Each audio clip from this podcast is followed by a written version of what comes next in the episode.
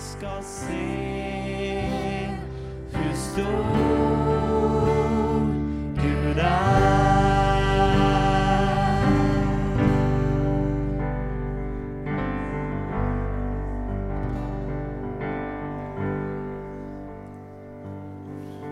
Amen, halleluja.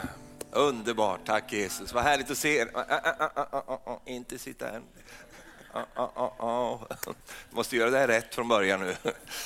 Halleluja. Innan du sätter dig ner, vänd om till vännen din som står jämte dig och ge dem en sån där härlig fredags-Jesus-kram. Amen. Sen får du sitta ner.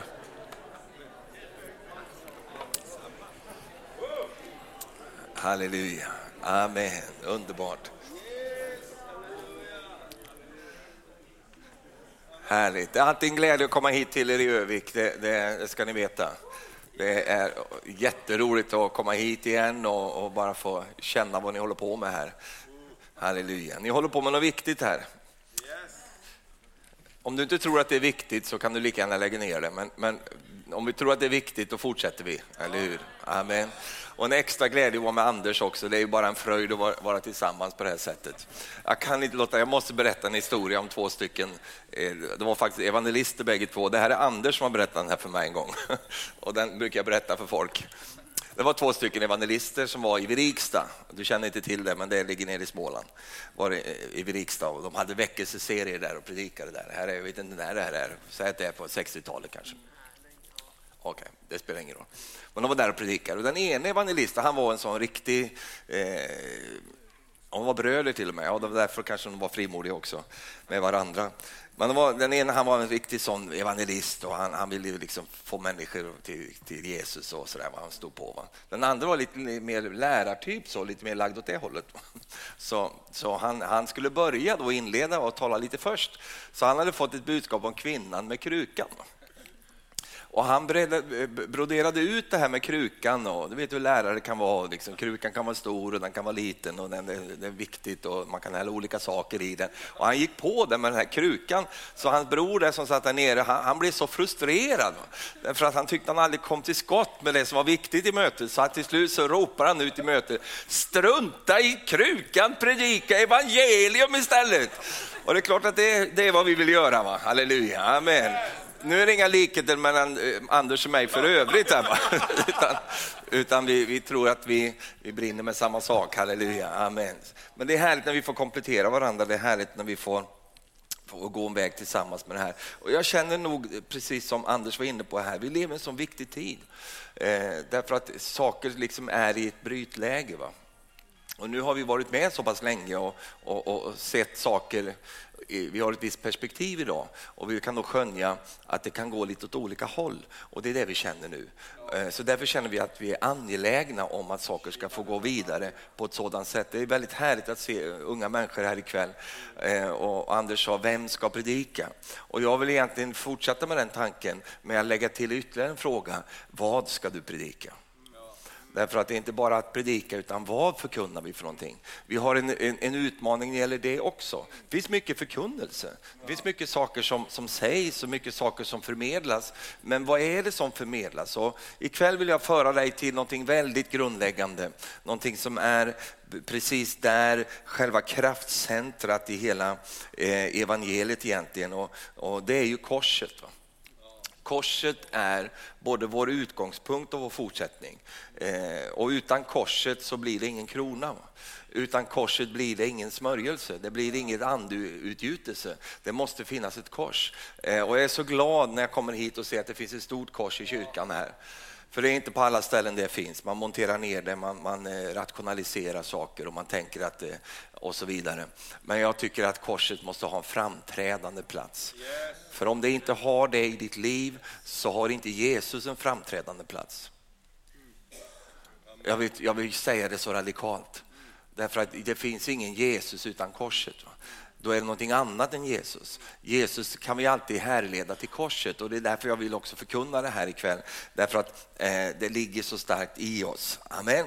Eh, det står i Markus evangelium, du behöver inte slå upp den nu, men jag kan bara läsa det före kapitel 15, vers 25. Det var vid tredje timmen som de korsfäste honom. Och så börjar detta drama här som vi ser utvecklat. Vi har påsken bakom oss och vi har säkert gått igenom i våra gudstjänster de här olika stationerna, olika platserna, både i Jesu liv och i folkets liv. Och vi får se det här spelas upp framför oss. Och det är en fantastisk, eh, ett fantastiskt drama egentligen. Ett så innehållsrikt och det går inte att tömma ut det bara eh, på enstaka möten utan det är någonting som eh, bara är där och det fördjupas allt mer när vi går vidare med Herren så för han oss tillbaka till de här händelserna som vi ser eh, under påskveckan och fram till eh, uppståndelsedagen. Vi, vi, får, vi får finnas där med honom i de här olika händelserna. Men, men nu är de framme där och de korsfäster honom. Eh, och, jag vill bara använda det som en utgångspunkt här. Det är alltså en, en händelse som har hänt. Jesus blev korsfäst. Sen så har han det över sitt liv. Jesus är för alltid märkt av korset. Och när han eh, i sin uppståndelse lämnar den grav som inte märker honom. Du förstår, Jesus är inte märkt av graven, han är märkt av korset. Och han är väldigt noggrann med att det är där som, som märkena ska finnas. Jesus lämnar sin grav väldigt snabbt. Han lämnar allt som tillhör graven i graven. Graven var inte hans, kläderna var inte hans, men korset det var hans eget beslut. Han lades i en grav eh, på grund av att man gjorde så på den tiden. Han, var, han hade inte koll på det, utan han lades där och han lindades in i bindlar där. Det var inte hans bindlar. Eh, och när de kommer till graven så har det hänt någonting där. Stenen är bortrullad. Eh, det, det, har föregåtts av någonting som, är, som, har skapat en oro. Därför att man ville ju där på något sätt eh, se till att Jesus är kvar i denna grav. Man ville se till att, se, se nu för Guds skull till till att inte det här blir en än värre plåga för oss, så att det blir ett rykte som uppstår att den här Jesus, att han är uppstånden, för han hade nämnt någonting om det här och de romerska vakterna stod där och vaktade. Det var liksom väldigt viktigt på något sätt att hålla honom där. Va? Men han är inte där. Alltså han är inte där. Och när de här kvinnorna kommer till graven så är ängeln där och talar till dem och så säger han så här, eh, varför söker ni den uppståndne? Varför söker ni den levande bland de döda? Eh, förlåt den, ja, den levande hos de döda. Och så säger han så här ängeln, ni söker Jesus den korsfäste. Ni söker inte, han säger inte ni söker Jesus den begravde. Ni söker Jesus den korsfäste. Och det här följer sen som en röd tråd genom hela, hela evangeliet. Att det är, det är någonting som, som, som angår, det är en anknytning här. Och, och Paulus, han har fångat upp det här, både genom eh, sin kunskap och genom sin förståelse utav det här och också genom sin egen erfarenhet. När Paulus kommer ifrån Aten och varit predikat där här, eh, så är han, vad man tror i alla fall, en besviken eh, missionär. För han har inte sett några genombrott. Han har inte upplevt liksom, eh, det som han kanske önskade att han skulle uppleva. Han, han har lagt sig lite dikt an till det som låg där i tiden och han började liksom, eh, försöka övertala på ett filosofiskt sätt och prata med folket där på det sättet som på något sätt han använde olika händelser som de kände till och så vidare. och så vidare. Men vi vet att det blev inget riktigt genombrott där. Och när han då efter Aten kommer till Korint så händer någonting här. Han har bestämt sig på, för någonting på vägen till Korint. Och när han kommer dit så står det så här i första Korintierbrevet 1 och vers 23, vi börjar där. Eh, och där kan du gärna följa med mig om du vill. Slå upp din iPhone så hittar du något bibelapp där. Det är ju så nu för tiden. I vers 23 så står det så här. Men vi predikar en Kristus som korsfäst, för judarna en stötesten och för hedningarna en dårskap. Alltså Paulus, och han säger ytterligare här också, han säger så här, vi hade bestämt oss att vi skulle inte veta av någonting annat än Jesus Kristus och honom som korsfäst. Skulle inte veta av någonting annat. Det finns mycket att säga om Jesus, men om man inte talar om Jesus utifrån den här utgångspunkten, så på, redan där så hamnar man fel. Va? Det, det, man kan tala mycket om honom, man kan ha, använda honom på olika sätt, men du förstår, själva kraftcentrat i allt det här ligger i talet om Jesus som korsfäst. Varför är det så viktigt? Jag ska försöka leda dig igenom några punkter ikväll, varför det är så viktigt med korset. Eh, därför att, eh, eh att just det här, att Jesus, eller Paulus var så noggrann med när han skulle liksom initialt komma till människor och tala om detta som låg honom så varmt om hjärtat. Han vill ju brodera ut i Guds rike. Han vill ju tala om alla olika ting som finns där. Men han säger så här, när jag kom initialt till er så var jag väldigt noggrann med att inte förkunna någonting annat än Jesus Kristus och honom som korsfäst.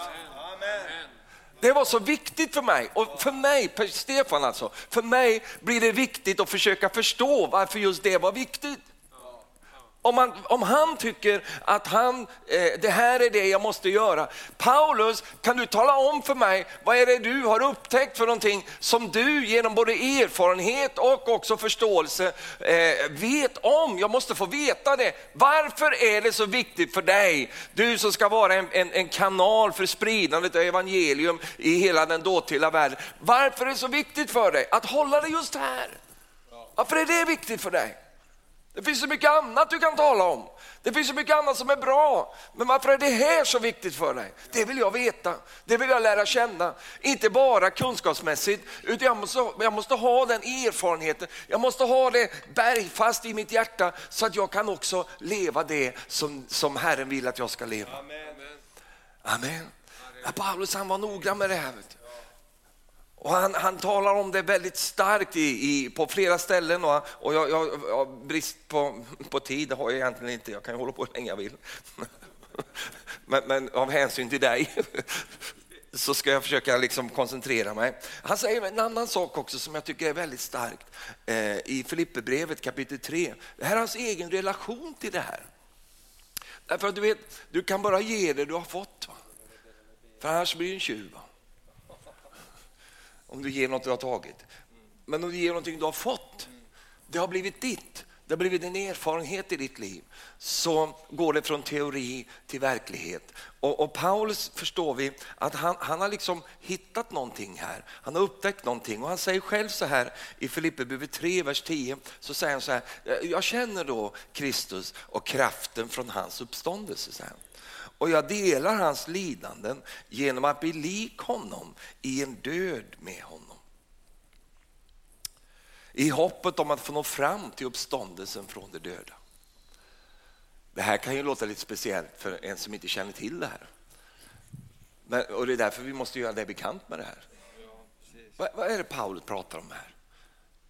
Nu har han speglat sig själv i korset nu har, han, nu har han varit där bildligt och andligt och i, sin, i sina böner ute vid Golgata och nu har han sett vad som händer där. Nu har han följt Jesus och han, du vet ju att han var ju inte där bland dem, han fick uppleva Jesus senare sen. Och, och, och då har han ju upptäckt att Jesus har kvar sina sår. Va?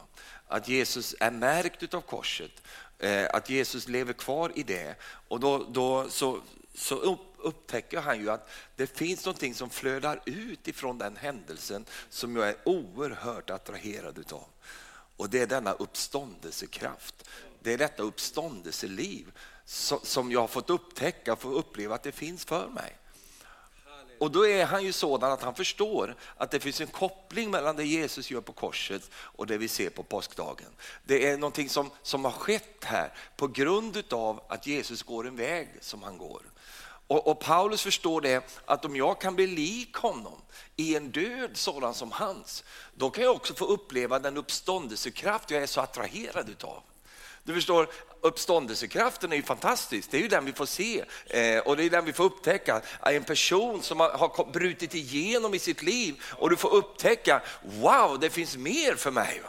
Det finns ett liv i mitt liv. Jag sa det finns ett liv i mitt liv.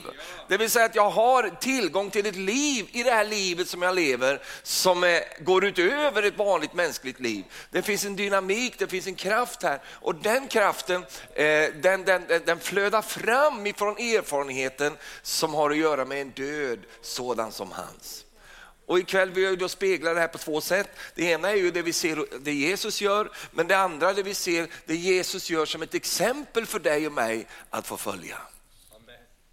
Och detta exempel kan vi, kan vi liksom dra ner i våra egna, egna liv och, och, och, få del av detta i våra egna liv. Det är ju därför som Jesus gör allting också så pedagogiskt. Va? Han gör allt så synligt och klart. Han tar flera steg i det här som vi kan följa, vi kan se, vi kan, vi, flera stationer vi kan gå till och, och, och liksom där mäta oss själva och kolla var vi befinner oss i förhållande till det vi ser han gör. Han är vårt exempel, kan du säga amen till det? Och det som är så härligt med Jesus det är just att genom den väg han gick så erövrade han den plats som Gud hade för honom. Och så blir det för dig också. När du får nåd att gå den väg som, som vi då kallar för korsets väg, då kommer du erövra den plats som Gud redan har för dig. Men du kommer aldrig få den om du inte vill gå korsets väg. Men om du vill gå den vägen i ditt eget liv, då kommer du kunna erövra den platsen som redan är dig given från Herren. Det var det, det som han hade tänkt för dig. Men, men, vägen fram dit, där är Jesus vårt exempel. Det står i Filipperbrevet 2, vers 5. Var så till sinne som Kristus Jesus var. Alltså tänk som han. Tänk och, och, och liksom fungera utifrån den tanken. Och vad, vad, är det för likheter vi ska dra då? Vad är det vi ska tänka på här? Och då står det i vers 6, fastän han var till i Guds gestalt, då räknade han inte tillvaro med Gud som ett segerbyte, utan han utgav sig själv genom att anta en tjänares gestalt då han blev människa. Han som till det yttre var som en människa, vad gör han då i vers 8? Han ödmjukar sig och blir lydig intill döden, döden på korset. Och så kommer resten här. Det är därför som Gud har upphöjt honom. Varför tror du Gud upphöjer någon? Jo, därför att det finns ett kors i den personens liv. Varför, varför upphöjer Gud Jesus? Därför att han går korsets väg. Det var den väg som han gick som gjorde att han fick det han fick. Kan du säga amen till det? Jag hörde för länge sedan, det var en profetisk eh, eh, förkunnelse om det som jag, som jag verkligen tror är sant. Vi kommer att komma in i en tid då det kommer att erbjudas en krona utan ett kors. Och det här är djävulens strategi. Att gärna, gärna erbjuda kronan men inte genom att gå korsets väg. Du vet Jesus han kunde ha tagit kronan, han hade rätt till den. Men han valde att gå korsets väg och det är just på grund av att han valde vägen som Gud upphöjer honom. Han kunde ha tagit kronan ändå för han hade rätt till den. Det fanns ingenting hos honom som inte liksom skulle gett honom den kronan. Det fanns ingen synd i honom, det fanns inget fel i honom, det fanns ingenting som, som liksom skulle hålla honom borta från denna, denna krona, denna position. Men han väljer att gå en väg just på grund av att Gud hade det för honom. Och han skulle kunna fått kronan för sig själv, men var hade du hamnat då? Var skulle du varit någonstans i ditt liv då? Du förstår, Jesus gick en väg därför att Fadern önskade det. Därför att Fadern bar dig i sitt hjärta. Halleluja. Därför har Gud upphöjt honom över allting och gett honom namnet över alla andra namn. För att i Jesu namn alla knän ska böja sig, himlen på jorden och under jorden. Och, och alla tungor ska bekänna Gud Fader till ära att Jesus Kristus är Herre. Så var på grund av den väg som han gick som han erövrade den platsen som Gud hade för honom.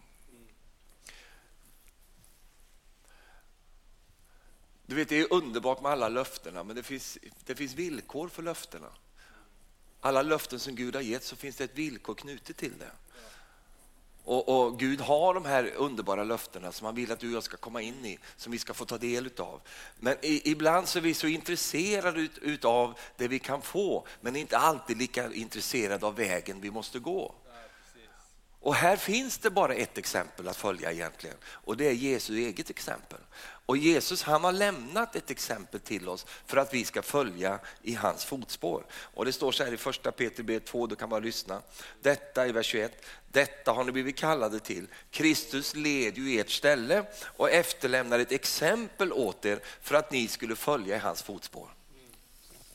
Så exemplet är Jesus och vi ska följa i detta fotspår. Och då blir det ju så att då har vi ett Golgata, vi har ett kors, vi har en utmaning i våra liv som, som på något sätt eh, blir ett, eh, där vi kan använda Jesu exempel för att själv följa i hans fotspår. Så nu, nu, nu eh, pendlar vi lite här mellan det du och det, det Herren gör, men, men vi liksom, du förstår skillnaderna här. Eh, men jag, låt mig bara ge dig, eh, det går ganska fort, sex stycken anledningar till varför korset är så viktigt. Kan jag få göra det? Tack så mycket pastor. Då har jag fått ett, eh, ett okej okay för det.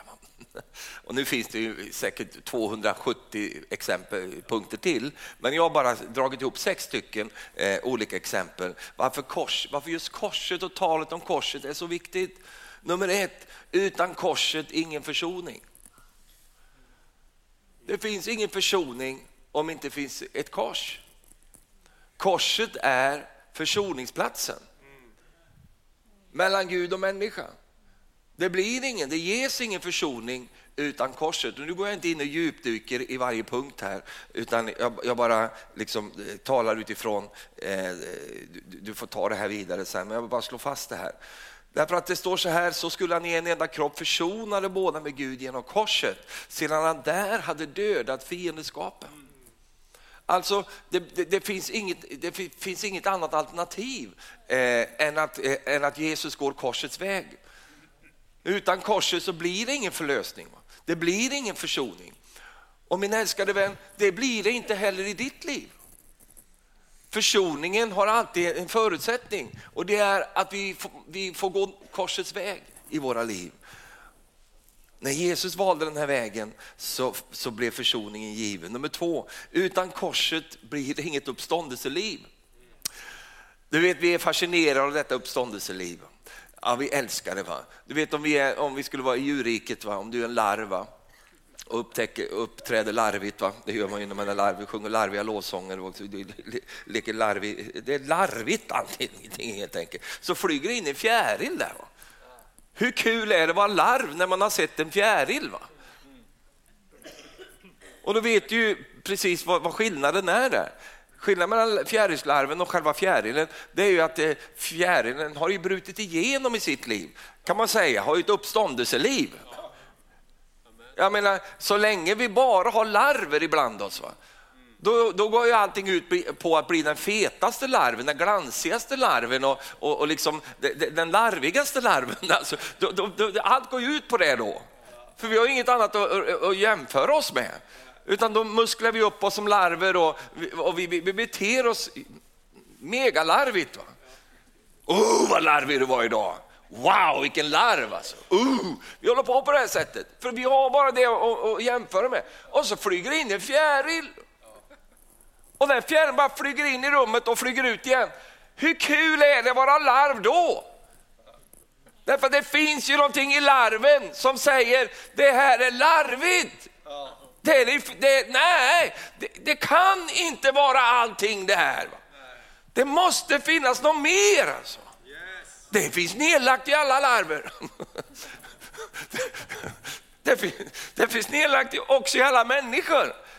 Jag är inte bara skapad för att leva, jag är inte bara skapad för att finnas. Jag är inte bara här bara för att jag är här va? Och, och liksom äta upp luft med mitt liv och, och liksom sen så småningom kan lägga sin grav och sen förmultna och försvinner undan. Nej, nej, nej, det måste finnas. Hela världen längtar efter något mer. Va? Kan du tala om för mig, vad är meningen med mitt liv egentligen? Va?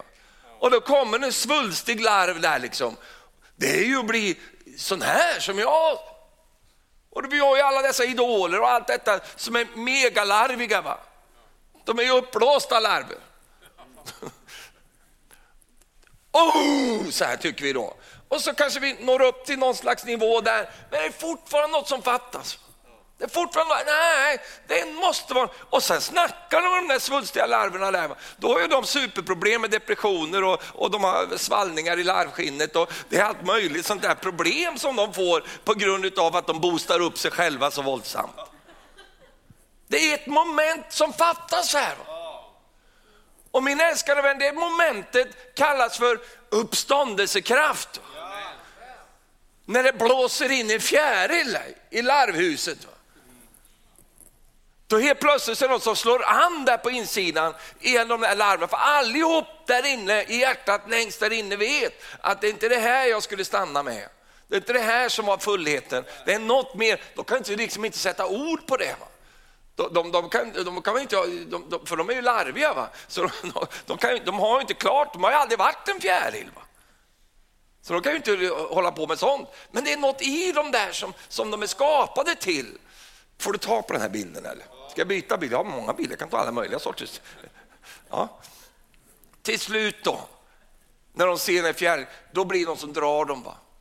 Det blir någon som, oh, så här va. Som både nästan skrämmer dem och, och lockar dem på samma gång. Va?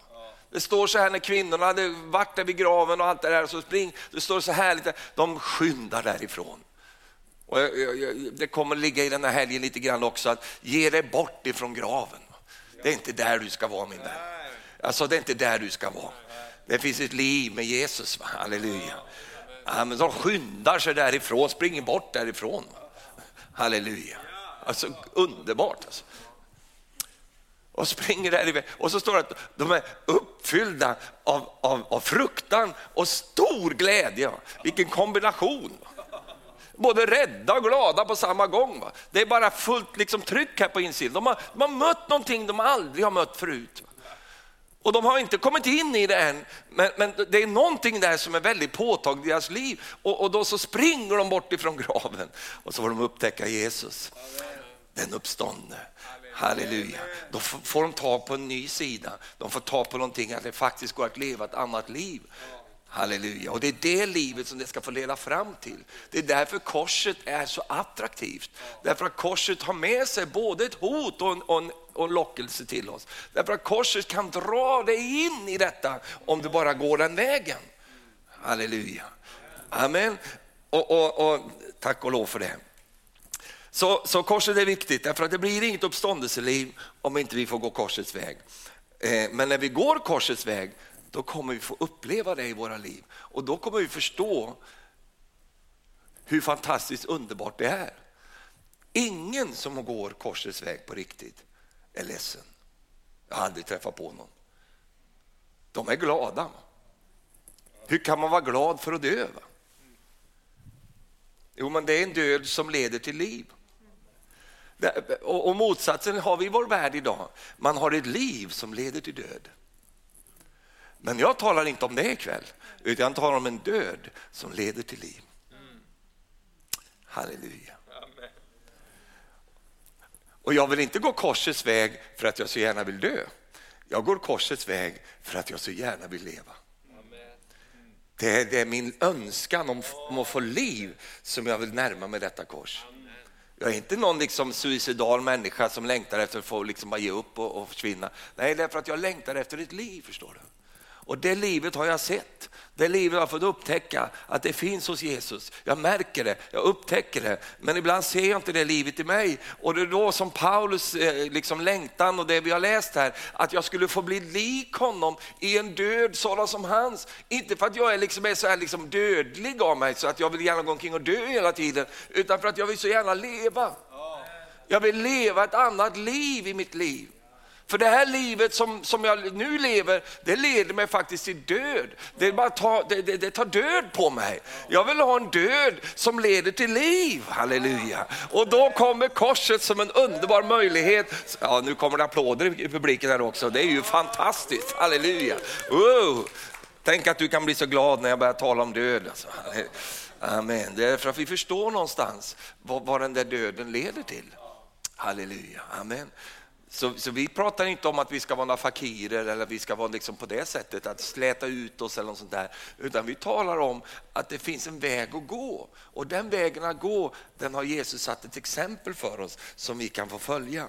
Så vi kan få möjlighet att göra det själva. Nummer tre, korset ger oss en möjlighet att välja in Guds högre väg. Korset ger oss en möjlighet att välja in Guds högre väg. Jag tänker på Jesus när han, när han ber där, så, så vet vi att han kommer i ångest på skärtorsdagen och han, han är där i, i liksom det här spänningsfältet mellan, ska jag ta min väg eller ska jag välja hans väg? Och det där korset är redskapet. Och då så säger Herren till slut så säger han så här, men Herre, inte min väg, inte min vilja, utan din vilja. Och där någonstans så uppstår ju detta, att Herren själv väljer in Guds väg för sitt liv. Faderns väg för hans liv. Det är väl egentligen det som är korsets själva epicentrum. Det är att jag frivilligt, frivilligt väljer en högre väg. Att jag väljer in det i mitt liv. För, för, för om det är så här att du lever med ett kors som du inte har valt, då är det inte korset. Det är något annat. Om det är någonting som någon annan har valt för dig, då är det inte korset. Korset är vad du väljer. Det är ditt val inför Gud. Det är inte, det är inte ditt val inför människor, utan det är ditt val inför Gud. Fader, vad vill du? Vilken väg ska jag, ska jag gå? Vad önskar du med mitt liv, Herre? Så det är din egen relation inför Gud. Det är ingenting som, som liksom du kan sitta och förhandla dig fram om eller eh, lyssna, utan det är någonting som har med dig och Herren att göra. Och jag skulle vilja dra det så långt som att säga endast dig och Herren. Det är du och Jesus. Du och Fadern. Finns det en möjlighet att komma undan det här och himlen är tyst och, och Jesus förstår detta. Det finns ingen annan väg om jag ska välja den högre vägen med mitt liv. Och han valde denna högre väg. Halleluja. Han valde denna högre väg. Nummer fyra, det är såren från korset som ger läkedom. När Jesus kommer ut ur graven så lämnar han bindlarna där. Det finns ingenting som, som, som har märkt honom där. Men han kommer ut med såren från korset. Du förstår, en del människor är märkta av graven, men de är inte märkta av korset. Och det här kommer du förstå mer om imorgon kväll. En del människor har, har märken på sina liv, men det är inte korsets märke. En del är märkta av allt möjligt. Livet märker oss. Saker gör, händer i våra liv och vi blir märkta. Men att vara märkt av korset, det är att i en situation som är tvungen i mitt liv, i en situation jag inte har valt, så kan jag ändå välja att gå en högre väg. Det var det Jesus gjorde. Han väljer in en högre väg i sitt liv. Han tar kraften i det egna valet och väljer in det i Guds plan. När du går korsets väg min vän så kommer du få sår. Du kommer bli märkt utav korset. Jag vet att du redan är märkt av livet. Men min fråga är, är du märkt av korset? Du säger, men jag är märkt av livet. Vet du vad du kan göra då? Du kan ta in korset där. Så att det, det där märket får bli också korsets märke i ditt liv. Det är där, det där de gjorde mot dig. Det är det han gjorde mot dig. Det där övergreppet som hände där, du är märkt där. Men vet du vad, där kan du få gå korsets väg om du vill. Så att det märket inte blir ett märke gjort av livet, utan Jesus får komma in där och märka, märka det där med sin kraft så att det också blir ett korsmärkt, en korsmärkt erfarenhet i ditt liv. Jag blir nervös med människor som inte är märkta av korset. Jag blir nervös när människor tar seger utan märken. Jag blir nervös över sånt.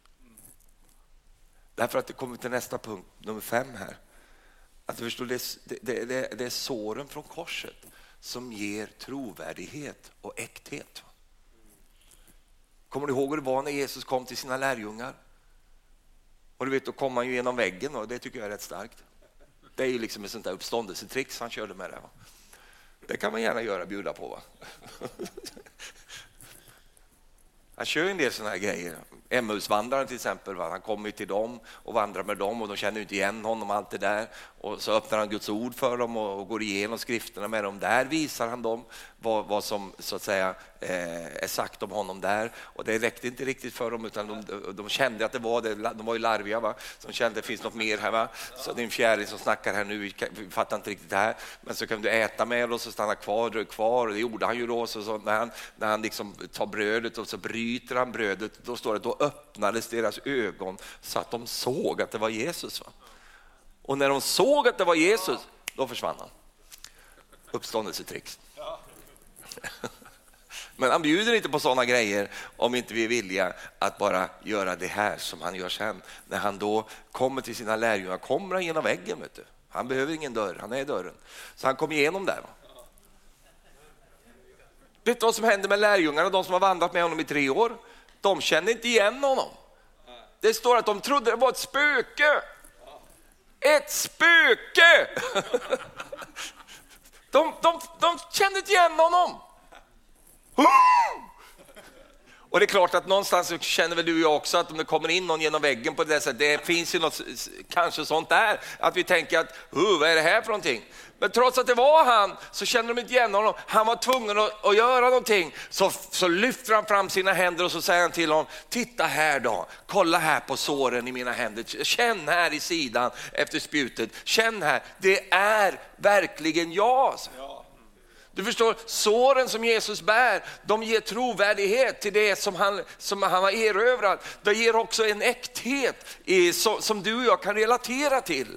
Halleluja, jag är så glad att han har kvar sina sår. Vi har en segrare med sår, halleluja. Woo! Och jag tittar på dig så inser jag någonstans att du också har sår i ditt liv. Men det kommer inte hindra segern. Det kommer inte ta bort någonting ifrån dig. Halleluja. Hela världen är endast så här, liksom, vad heter det för någonting, Klara och, och, och, och liksom så Polara håller på att säga, poleringsmaskin. Va? Det är en enda stor glansgrej va? som bara håller på så här. Åh, låt oss make-upa bort det här va? och få bort de här grejerna. Fram med lite rouge, fram med lite grejer, lite puder och lite sådana här saker. Få bort dem. Och Jesus säger, du kommer inte med någon mascara på mig. Jag ska inte ha någonting sådär. Här är det rakt på här. Jag har mina sår, bara så ni vet. Och jag vill att de ska vara där och jag vill att ni ska få se dem för att det är jag det här. Jag är ingen liksom sminkad, bortsminkad person utan det här är den jag verkligen är. Mina älskade vänner, du får en tjej som du gifter dig med, liksom hälsa på henne tidigt dagen på och bara kolla, är det verkligen så som hon ser ut? Ja. när, när, är det hennes hår? Va? Är det hennes tänder det här? Är det hennes liksom, eller vad är det, det? Om du inte kan vara kär i henne på morgonen i, i, med den där andedräkten och med de där grejerna och, och, och vad det nu är, hennes hår eller inte. Nu för tiden vet man ju aldrig eh, om det är extension hit och dit och allt det där. Få bort allt det där. Vem är det egentligen du har blivit kär i? Har du blivit kär i en, i sån här liksom, eh, bildelsgrej med massa prylar som plockas på? Eller är det verkligen hon? Hon som du har blivit kär i, det kan du upptäcka på morgonen, gärna tidigt framåt fem på morgonen och sådär. Då får du se verkligheten som den är. Där kommer du finna en del sår. Där kommer du finna en del ärr, där kommer du finna en del blämmor, där kommer du finna en del olika saker. Är du lika kär då? Det är verkligen jag. Här är jag, se på dem. Alla var där utom Johannes, han var hemma och deppa. Nej, förlåt mig, Thomas. Han var deppig, han ville inte gå på möte. Hur många människor som inte, de vill inte gå på möten med deppiga. Vet Fy, vill inte se folk. Så är det här uppe i Övik. Men det är likadant nere i Småland. Usch, jag vill inte se en enda människa. Fy. Och så har Jesus varit där och kört alla möjliga, alltså visat sår, uppståndelsetricks och allt möjligt. Liksom ett fantastiskt möte där i övre salen bara för dem. Helt underbart. Så kommer de springande till Johannes. Liksom. Var var du igår någonstans? Ja, vad menar du? Varför var du inte med? För du missade ju hela mötet. Jesus var här. Liksom. Det var ett fantastiskt möte vi hade med honom. Jo, jo, säkert. Han var så lite deppig. Va? Nu är det inte pastor Thomas jag talar om, men, men, men, men han var liksom nedbruten. Neds, som vi alla kan bli. Och så, så står det så här, åtta dagar senare. Va? Så regisserar Herren ett likadant möte, exakt likadant är På samma ställe, samma gubbar. Alla är med nu. Nu är Thomas med, han har, han har släpat, han kommer upp ur det där lite grann. Och så. För att Thomas har sagt det här, jag kan inte tro men inte få se såren. Jag måste få se de såren, annars kan inte jag tro. Och så åtta dagar senare, repetition av mötet, samma folk, sam, samma rum, allting. Jesus kör samma tricks in genom väggen och så vidare. Allting. Och det första han går fram till och säger Thomas, kan du titta här? Det är jag. Det är jag. Kan du tro nu då? Han bjuder på det, här, Jesus. Vi har en hel värld som är, som är klentrogen, eller som är svårt att tro, svagtroende. De behöver se sår. Va? Och Jesus vill ha sina sår kvar. Därför att det ger trovärdighet till det som har hänt. Och det ger äkthet till det som har hänt. Kan du säga amen till det? Halleluja. Korset gör det, nummer sex här, sen är jag snart klar. Korset gör det kristna livet verkligt och konkret. För korset drar ut saker ur dimmorna och placerar in en verklighet i våra liv. Så det blir på riktigt. Halleluja. Det är därför jag älskar detta karga budskap om den korsfäste. Detta, liksom, det är inte kärvt kanske, men det är, det är, liksom så, det, det, är så rakt på på något sätt. Inte massa omskrivningar, inte massa, det är bara rakt på. Där står han Jesus, eller, och, och, och, där hänger han Jesus och så spänner han ut sina händer och dör för en hel värld. Synligt inför alla. Naken, utblottad. Och så ger han upp sitt liv för en hel värld. Och du vet, det gör att det här blir verkligt och konkret. Det finns tre stycken begrepp här som Paulus använder när han talar om korset. För en del är korset en dårskap. Därför att man kan säga så här, korsets anspråk drar ut mig ur mina gömslen. Det är därför korset är, lite, det är en utmaning, både att tala det och, och höra det. Därför att det drar ur mig ur mina gömställen. Korsets dårskap, det drar ur mig min egen tillverkade glansiga tro. Det här som jag har fixat till själv, byggd på min egen förträfflighet. Det bara drar ur mig. När, när jag möter korsets dårskap, va? Det här är ju inget vackert. Det här är inget jag kan ta in i min, i min snygga butik. Det här kan ju inte vara... Jag har en ganska nära bekant i mitt liv som, som han har växt upp i ett kristet hem, han är i en pingstfamilj. Och så på något sätt så fick han aldrig tag på fjärilslivet. Va? Han fick aldrig tag på det här, så för honom blev det bara jobbigt. Va? Det blev bara jobbigt att vara larvig. Va? Han kom aldrig igenom det där, va? det där momentet som, som korset erövrar i mitt liv. Han, han, så det blev bara konstigt allting för honom. Han kom aldrig över det. Så vad hamnade han, hamnade han då? Ja, han blev new age istället. Va?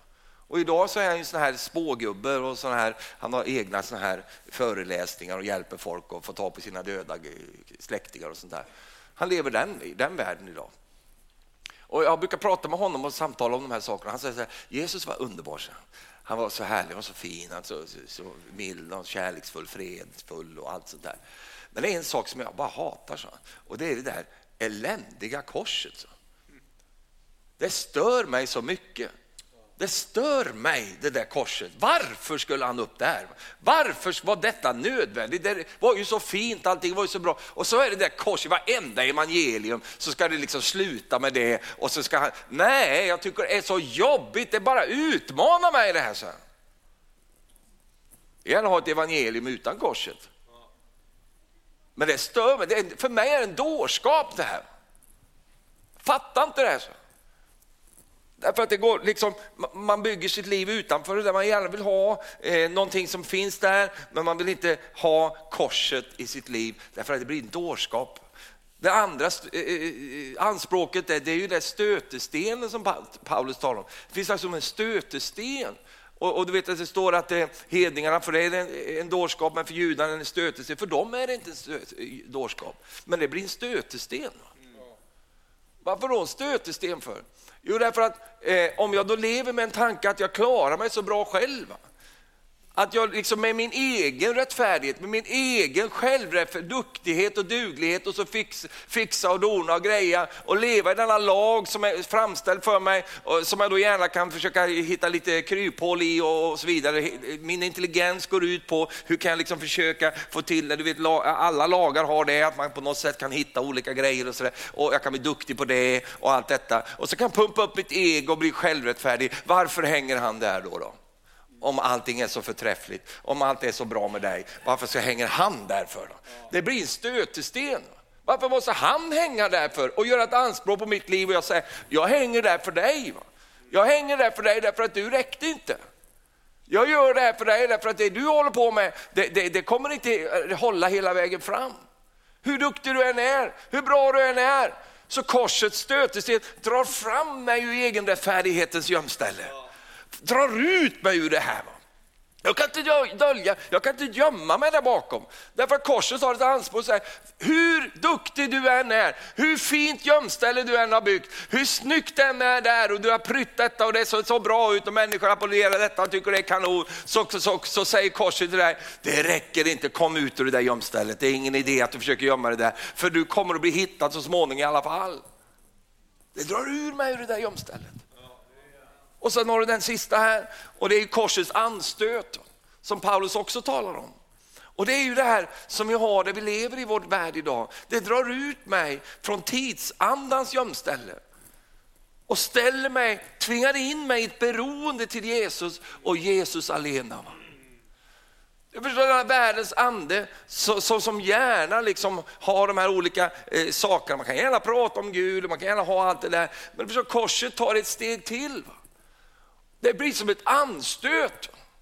Och Paulus säger så här, han säger till Kalater, han säger så här, i bröder om jag fortfarande predikar omskärelse, varför ska jag då bli förföljd? Då är ju korsets anstöt borta. Alltså om jag fortfarande talar om sånt där som alla andra tycker är okej okay, i den här kontexten. Om jag håller på med det, ja, men då, om jag gör det, ja, då är det ingen anstöt, då blir jag inte förföljd. Va? Men när jag börjar tala om korset, då kommer jag bli förföljd därför att det är en anstöt i det här. Om vi nu tror det vi, vi säger att vi tror, att själva kraftcentralen ligger här, vad tror du då att fienden är intresserad av att få väck ifrån våra liv? Ja, det är väl självklart det som är själva roten och orsaken till denna kraft som mullrar fram eh, i våra liv. Om man kan få oss väck ifrån det, ja det är klart, då har ju vunnit allting. Va? Eller man kan få sig liksom diffus eller på olika sätt, att vi bara liksom tecknar bilder runt det här istället för att erövra denna verklighet i våra liv som korset handlar om. Och då kommer jag till det sista jag vill säga ikväll. Genom korset min vän så får jag nåd att ta itu med min största utmaning i mitt liv. Mig själv. Och allt folket sa, mamma mia. Du trodde ju att jag menade din fru, va? men det gör jag faktiskt inte. För hon är inte din största utmaning. Utan den största utmaningen som du har i ditt liv, den, den du tog med dig hit ikväll, kallas för dig. För hade det inte varit för du hade du haft full seger varenda dag i ditt liv. Men nu råkar ju du finnas och ställer till det i ditt eget liv och, och allt det där. Vi vet ju att det är på det sättet. Men du förstår, korset ger mig nåd att kunna ta itu med min största utmaning mig själv. Halleluja. Jag tänker på Paulus igen. Han säger så här i Galaterbrevet 2.19. Ty jag har genom lagen dött bort från lagen för att jag ska leva för Gud. Jag är korsfäst med Kristus. Halleluja. Och nu lever inte längre jag, utan Kristus lever i mig.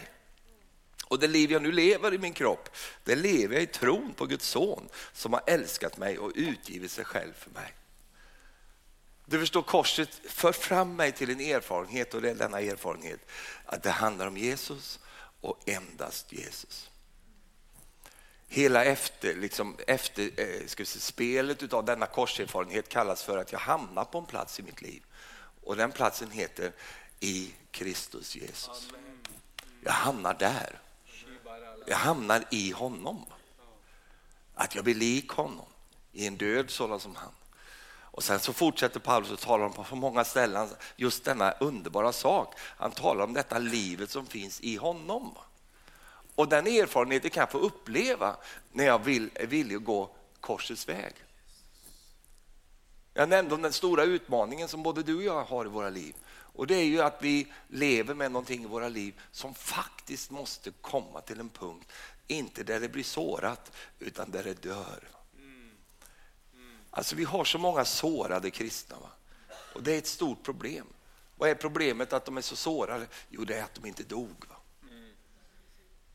Om du bara är sårad så, så, så, så, så finns det en sån begränsning där. Men om du och jag får nåd att ta ett steg till så att den sårade dör. Va? Halleluja. Åh, vilket det är så mummel mummel här nu, men, men, men jag tror någonstans att du förstår vad jag pratar om. Därför att när vi går iväg med våra liv så upptäcker vi ju saker och ting. Och när vi upptäcker de där sakerna, till exempel att den där kampen mellan, ska jag vinna nu eller ska Kristus vinna nu? Ska jag komma igenom nu eller ska Jesus komma igenom nu? Och det där går inte att komma igenom om inte jag får, får nåd att gå korsets väg. Det jag är villig, och precis som Paulus säger, jag är korsfäst med Kristus. Halleluja. Och då så kan jag prisa mig salig, därför att du förstår, du kan inte korsfästa dig själv. Har du försökt någon gång? Lägga hemma och försökt slå in? Nej, det, det går inte. Du, du, du kommer aldrig upp på korset själv. Du måste ha hjälp från de som sårar dig. Hörde du vad jag sa? Du måste ha hjälp från de som sårar dig. Det är de som får upp det på korset. Och när de får upp det på korset, då har du ett underbart alternativ. Du kan dö där. Och när du dör där så väntar ett nytt liv på dig. Halleluja. Och detta nya livet är uppståndelselivet. Jag har inte träffat en människa som inte är attraherad av det livet. Det livet är fantastiskt. Men jag träffar många människor, inklusive mig själv många gånger, där man känner att, åh kära någon, måste jag gå den här vägen? Finns det ingen annan väg? Kan jag inte slå ner min broder och, och samtidigt få uppståndelselivet? Kan jag, inte, kan jag inte klippa tillbaks lite grann och köra lite så? Nej, det går inte. Jag måste välja den vägen. Jag har blivit korsfäst med Kristus. Och så säger han så underbart, och nu lever inte längre jag, utan Kristus lever i mig. Och det liv som jag nu lever. Så då förstår vi ju att det handlar ju inte om att vi ska släcka ut vårt liv. Det handlar ju om att vi skulle få ett nytt liv i våra liv. Det handlar ju inte om att vi ska späka oss att det liksom blir nej, nej, nej, nej. Det handlar inte alls om det. Utan det, det, det handlar om någonting helt annat. Det handlar om att det i mig som inte vill dö måste dö. Det är därför jag säger att vi kan inte vara suicidala, därför att då vill vi ju dö. Va? Och det är inte det som vill dö i dig som ska dö, utan det som inte vill dö som ska dö. Oh. Nu predikar jag mycket bättre än vad du ger gensvar, men det är en annan sak. Det är väl jättelätt att gå till korset med sånt som man vill ska dö. Va? Jag vill ju liksom dö bort från mitt mjäll och alla möjliga grejer, problem som jag har. Men sen har jag grejer som Stefan är stolt över. Som jag tycker, de grejerna. Det var japanska det där. ser du. De här grejerna som, som, som, som liksom kräver ett fortsatt liv. Som, som handlar om mig. Va? Och, och som handlar om min heder. Va? Mina grejer. Va? De grejerna som gör ont i mig nu.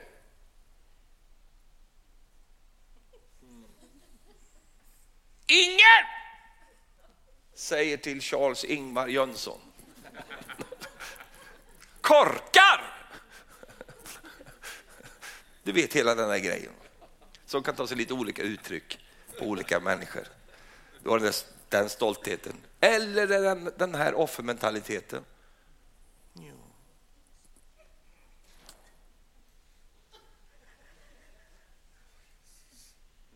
Herren har ett ord till dig om det är sånt där.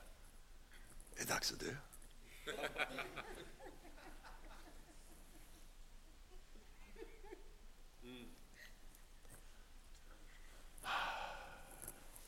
För vi behöver egentligen inga fler offer än det offer som redan är gjort.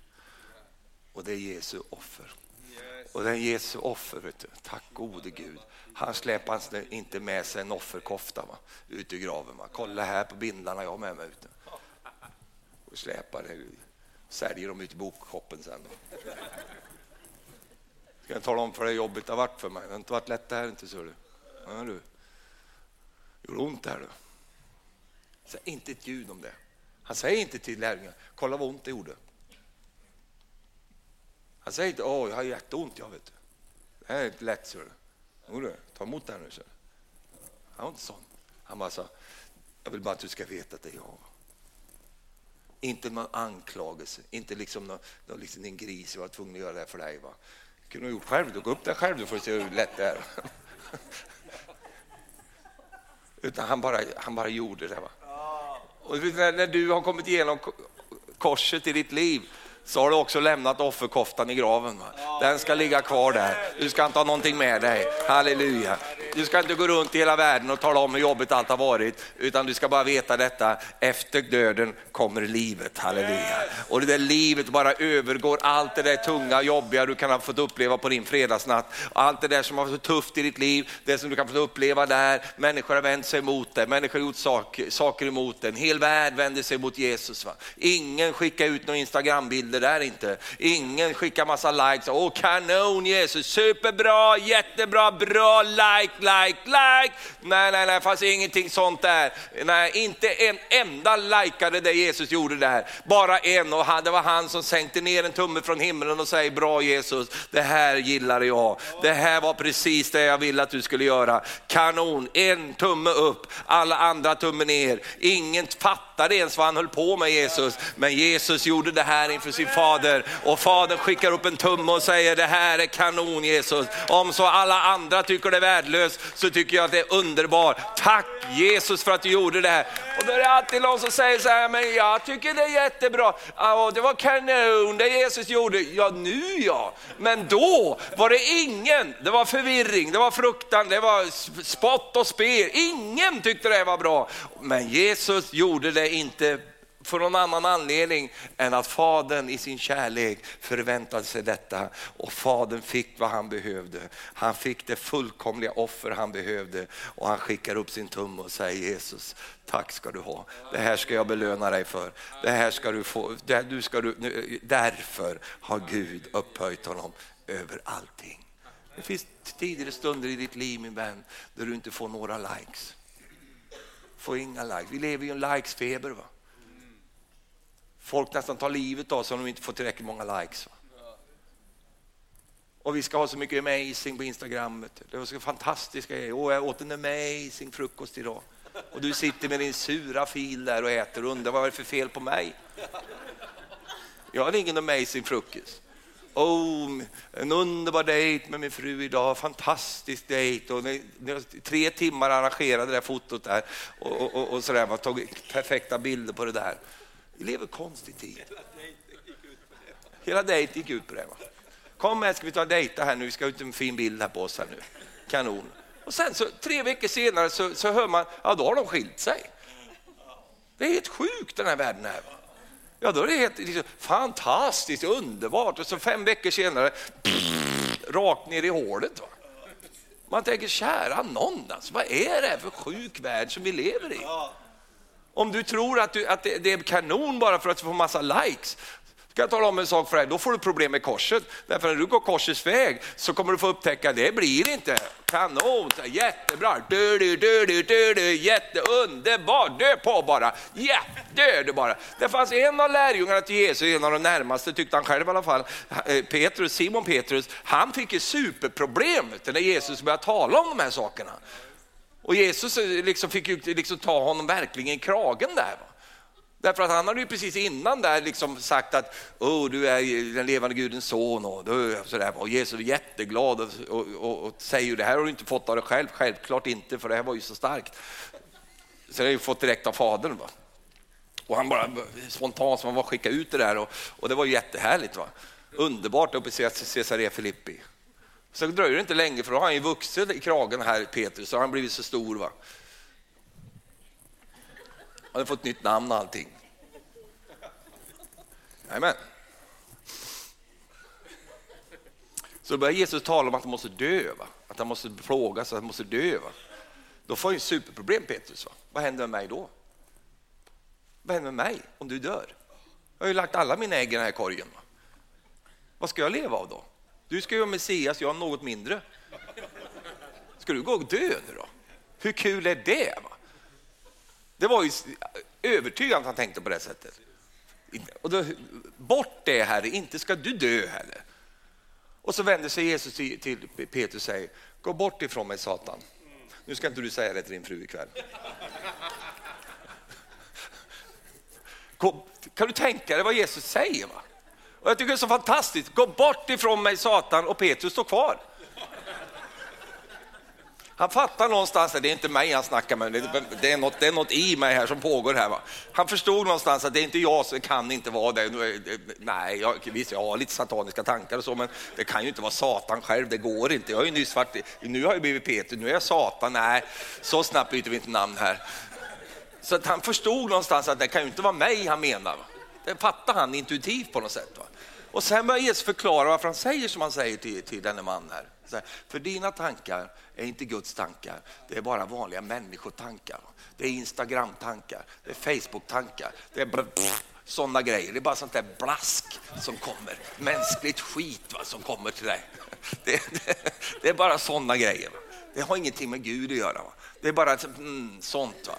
Det kommer blekna bort imorgon. Va. Det står inte för någonting. Va. Det står bara för någon cybergrej va, som inte finns egentligen. Det är bara blum, blum, blum, blum, ingenting bara mänskliga tankar, det är inte Guds tankar. Vad, vad är då Satan i allt det här? Va? Jo, Satan är precis det jag börjar med, jag lovar jag ska sluta nu. Satan i allt det här, det är Jesus, du ska inte gå den där vägen. Den vägen, du kan gå vilken väg du vill, men den vägen går du inte. Och när du ska börja gå korsets väg min vän, ta Jesu exempel, så kommer Satan själv att resa sig upp emot dig. Ibland genom välmenande människor som inte är Satan men som kan ge uttryck för saker i ditt liv och säga den vägen ska du inte gå. Den behöver inte du gå. Du är så bra i dig själv du. Du är så rediger själver som man sa som västgöten. Du kan det, du löser det där. Vet du. Du, kan, du, bara, du löser det där, vet du. du fixar det där. Och så vet du där inne i ditt hjärta att Fadern kallar dig att gå en högre väg att det är en död som du måste erfara i ditt liv. Någonting som du måste ge upp. För att det finns ett samtal som pågår i ditt inre. Visst kanske kan du vara lite redigare. Visst är du lite duktig på vissa grejer som människor kan se och så vidare. Men du vet, du vet att det där, det håller inte hela vägen. Du vet det och Herren vet det. Han vet hur skrangligt detta byggverk är. Han vet hur bräckligt det är och därför så erbjuder han en väg in i en stabilitet, in i en klippverklighet som endast kan erövras genom att du går denna väg med ditt liv. Amen. Varför blir inte alla frälsta? Det är därför att det finns bara en väg dit och det är genom denna självförnekelse. Den som vill följa mig, så, han måste ta upp sitt kors, förneka sig själv, ta sitt kors på sig. Och Jesus fortsätter och säger, vill du vinna ditt liv, varsågod. Men då kommer du att mista det livet jag erbjuder dig. Men om du vill mista ditt liv för min och evangeliets skull, då ska du finna ditt liv. Och en kväll som den här så tror jag att det finns människor som behöver finna sitt liv i Kristus. Jag säger inte att du inte är frälst, jag säger inte det. För Jesus säger, vill du bli lärjunge, vill du ta upp det livet, då finns det ett mistande som måste till. Och jag vet hur djupt och svårt det där är för oss. Jag har min fight, du har din fight. Den där kampen, den där kampen om ska jag verkligen göra det? Ska jag verkligen gå den där vägen? Ska jag verkligen ta det där? Någon vet du, skulle erbjuda miljoner för att slippa gå korsets väg. Någon skulle kunna erbjuda hur mycket som helst istället för att gå korsets väg. Så nu pratar vi inte om yttre saker. Vi pratar inte om hur vi kan lägga fram inför Herren så. Utan vi pratar om det där som måste dö. Det måste dö. Och i denna död så får du uppleva att du blir lik honom. Du blir lik honom. och få uppstå i ett nytt liv. Och så får du komma ut ur dina gömslen och in i gömstället Kristus Jesus.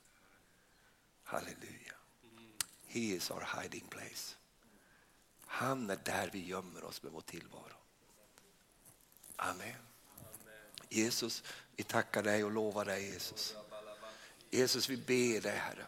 Låt oss få nåd att kunna återvända till Golgata dagligen Herre. Låt oss få nåd att kunna gå dit Herre och se det som där utmålas Herre. Och Herre låt oss kunna precis som Rembrandt Herre som måla in oss själva i de här bilderna Herre. Åh Jesus där vi själva får bespegla oss Herre och se Herre hur när korset lyser på våra liv Jesus där vi får se Herre vad är det som gör att, eh, eh att korset kommer nu? Vad är det som gör, eh, vad, vad, vilket anspråk har korset på mig nu? Vad är det jag behöver göra? Vad är det jag behöver göra? Vilken väg behöver jag gå? Medan jag står här och bara ber nu så får jag direkt till mig här. Att du förstår, så fort korset dyker upp i en människas liv. Nu vet vi att det är på en daglig basis och det kan vi tala om. Men nu talar jag lite mer utifrån den erfarenhet vi ser hos Jesus. Så står alltså då Jesus inför sitt livs största genombrott. Han står inför det som verkligen är det som han kom för att göra. Alltså han har, han har någonting framför sig här. Och medan jag står här och talar så känner jag bara upplever det. Att eh, för att du ska få komma in i det som Herren har tänkt för dig i nästa säsong av ditt liv, nästa, nästa platå, nästa del av ditt liv, så undrar du varför kommer detta kors nu? Jo men det är därför att bli lik honom i en död sådana som hans för att du sen ska få upp, nå fram till uppståndelsen. Det finns någonting där som Gud har för dig. Du undrar varför är det på det här sättet nu? Varför verkar det som att saker och ting är som det är i mitt liv? Och du tänker så här, varför är det så? Jo, det är ett erbjudande min vän. Ett erbjudande att bli korsfäst med honom. Ett erbjudande från Herren själv. Att få nåd att kunna dö bort ifrån det där som vill leva sitt eget liv, som vill leva sitt liv i oberoendet. Som vill leva sitt liv, gärna med hans välsignelse, men utan att få gå vägen. Gärna med liksom det som är, är fint och glatt och trevligt, men inte det som kostar mig någonting. Inte det som verkligen på djupet kostar mig någonting. Men då säger Herren, om du vill gå den här vägen, då ska du få uppleva hur du kan få gå från en punkt i ditt liv över till en ny dimension med ditt liv. Halleluja. Men att sen för alltid vara märkt av korset i ditt liv. För alltid. Därför förstår, korset gör också att vi i ödmjukhet bara får se att ja, men det var på grund av det där som gjorde att jag fick det här. Och när märkena där från, från erfarenheterna i ditt liv bara är med och, och, och stöder den tanken så, så blir det också ett beskydd för dig beskydd i ditt liv.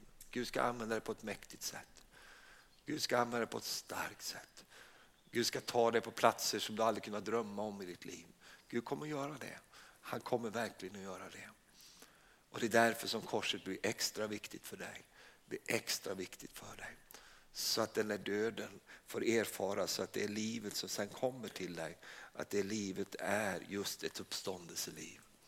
Halleluja, Kristus i dig härlighetens hopp. Halleluja, tack Jesus, tack Jesus, tack Jesus. Vi dröjer en liten stund här.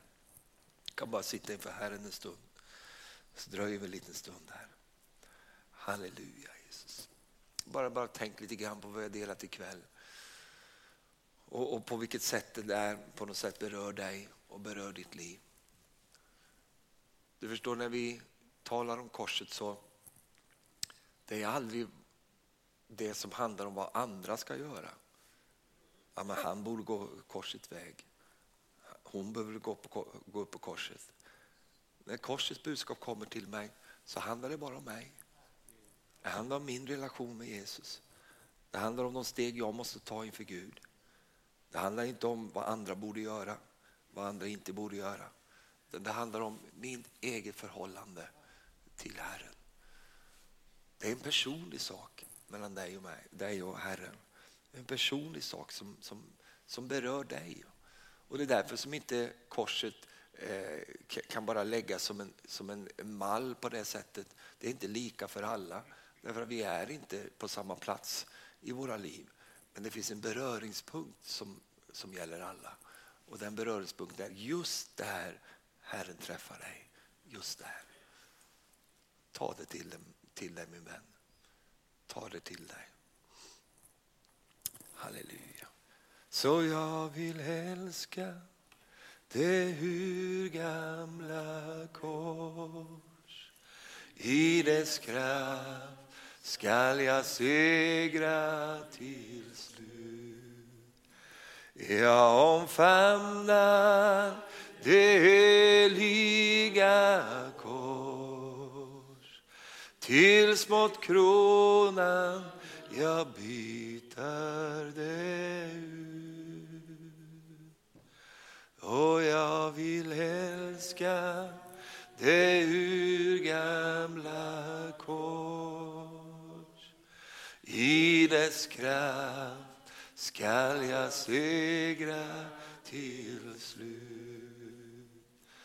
Jag omfamnar det heliga kors tills mot kronan jag byter det ut. Vi står upp tillsammans vänner.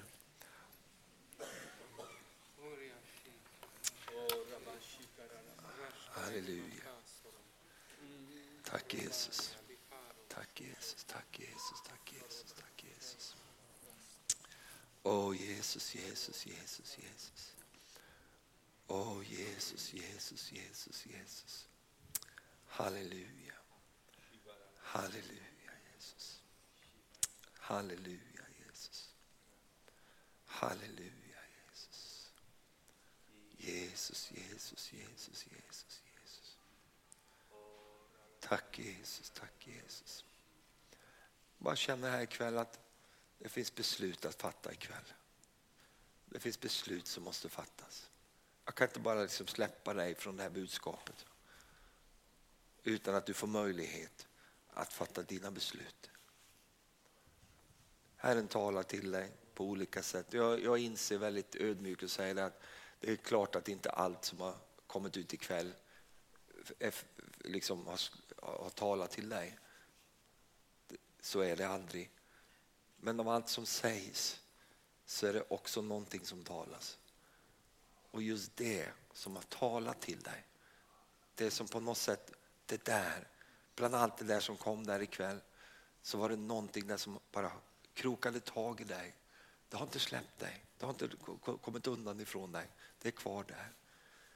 Runt det så finns det beslut att fatta. Runt just det som du upplevde där i ditt hjärta, det där. Det är liksom som Herrens ande bara krokar tag där och bara häktar sig fast där. Och, och, och, jag kan inte släppa dig med mindre än att du får en möjlighet att kunna säga Jesus, det där i mitt liv, det där vill jag bära upp i mitt liv. Jag, jag, vill, jag vill ta det där till korset. Jag vill ta den där saken. Jag vill ta den där relationen. Jag vill ta det där jag har levt med. Det kan få så många olika uttryck i våra liv och jag, jag går inte in där i vad det kan då betyda rent praktiskt för dig utan mer detta att du ansluter dig till det här. Det här är ingenting som du behöver prata med någon om. Det här är mellan dig och Gud. Det är mellan dig och Jesus. Det är Jesus som, som möter dig nu. Den uppståndne, den korsfäste. Han möter dig. Den sårmärkte. Han möter dig. Och det som, som, som är hos dig nu, det är att det finns beslut som måste fattas. Det finns beslut som måste, måste fattas. Och de där besluten egentligen handlar om bara ett ja till Jesus. Jesus, ja. Herre, jag vet att korset hotar mig nu. Det finns ett anspråk på korset. Det blir kanske dårskap, en stötesten eller, eller ett anstöt på något sätt. Det är en sida av korset, men samtidigt så lockar korset mig. Därför att någonting i mig säger att det där är rätt och riktigt. Det, det är kanske inte den vägen jag kanske önskar och ville gå själv. Men jag, jag, förstår någonstans att det är rätt för mig att göra det här. Jag ska göra det här. Min vän, den enda som kan vinna den kampen, det är du själv. Du vinner det genom att fatta ett beslut. Bara säga Jesus, Jesus. Ja Jesus. Du vet även i, när vi tjänar Gud och, och både Anders och jag, Thomas och Maria och, och andra här också som liksom tjänar Herren på heltid. Rätt vad är så kommer liksom korset till oss och bara säger, nej, det, det, det, ett moment till här. Och jag har, I mitt eget liv har jag, har jag en, en, slags inbyggd nästan rädsla i mitt liv. att Jag vill inte komma för långt ifrån korsets verklighet i mitt liv. Jag vill, jag vill ha det på, så att jag verkligen hela tiden snabbt kan ta de där stegen. Därför att jag vill inte leva ett liv utan korset. Jag vill inte ha det så. Därför att det är, min, det är min trygghet egentligen, eller min enda trygghet. Att kunna veta detta, att jag är död med Kristus. Och därför så är jag så otroligt säkrad i honom, därför att jag är korsfäst med honom. Och jag vill leva ett sånt liv. Jag vill inte leva ett liv där, där inte korset finns. Och, och, det vill inte du heller. Och därför så när vi, vi bara tar en liten stund här i slutet av vårt möte och bara överlåter oss till Jesus. Bara överlåter oss till Jesus. Du tar ditt samtal med Herren där du är nu.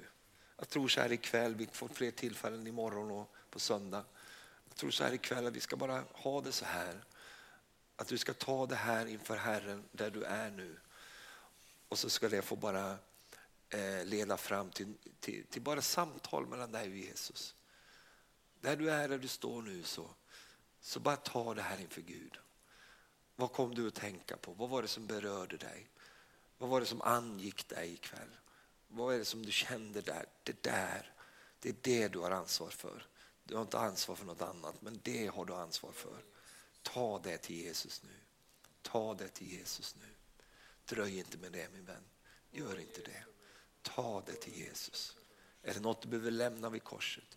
Är det något du behöver bara eh, leverera där och säga Jesus, det här, det här är mitt liv Jesus.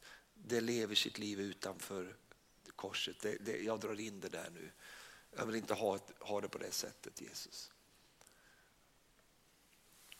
Gör det nu själv när du står där. Du kan tala lite stilla med Jesus. Du har ditt samtal som pågår där nu mellan Jesus och dig. Så gör du bara det.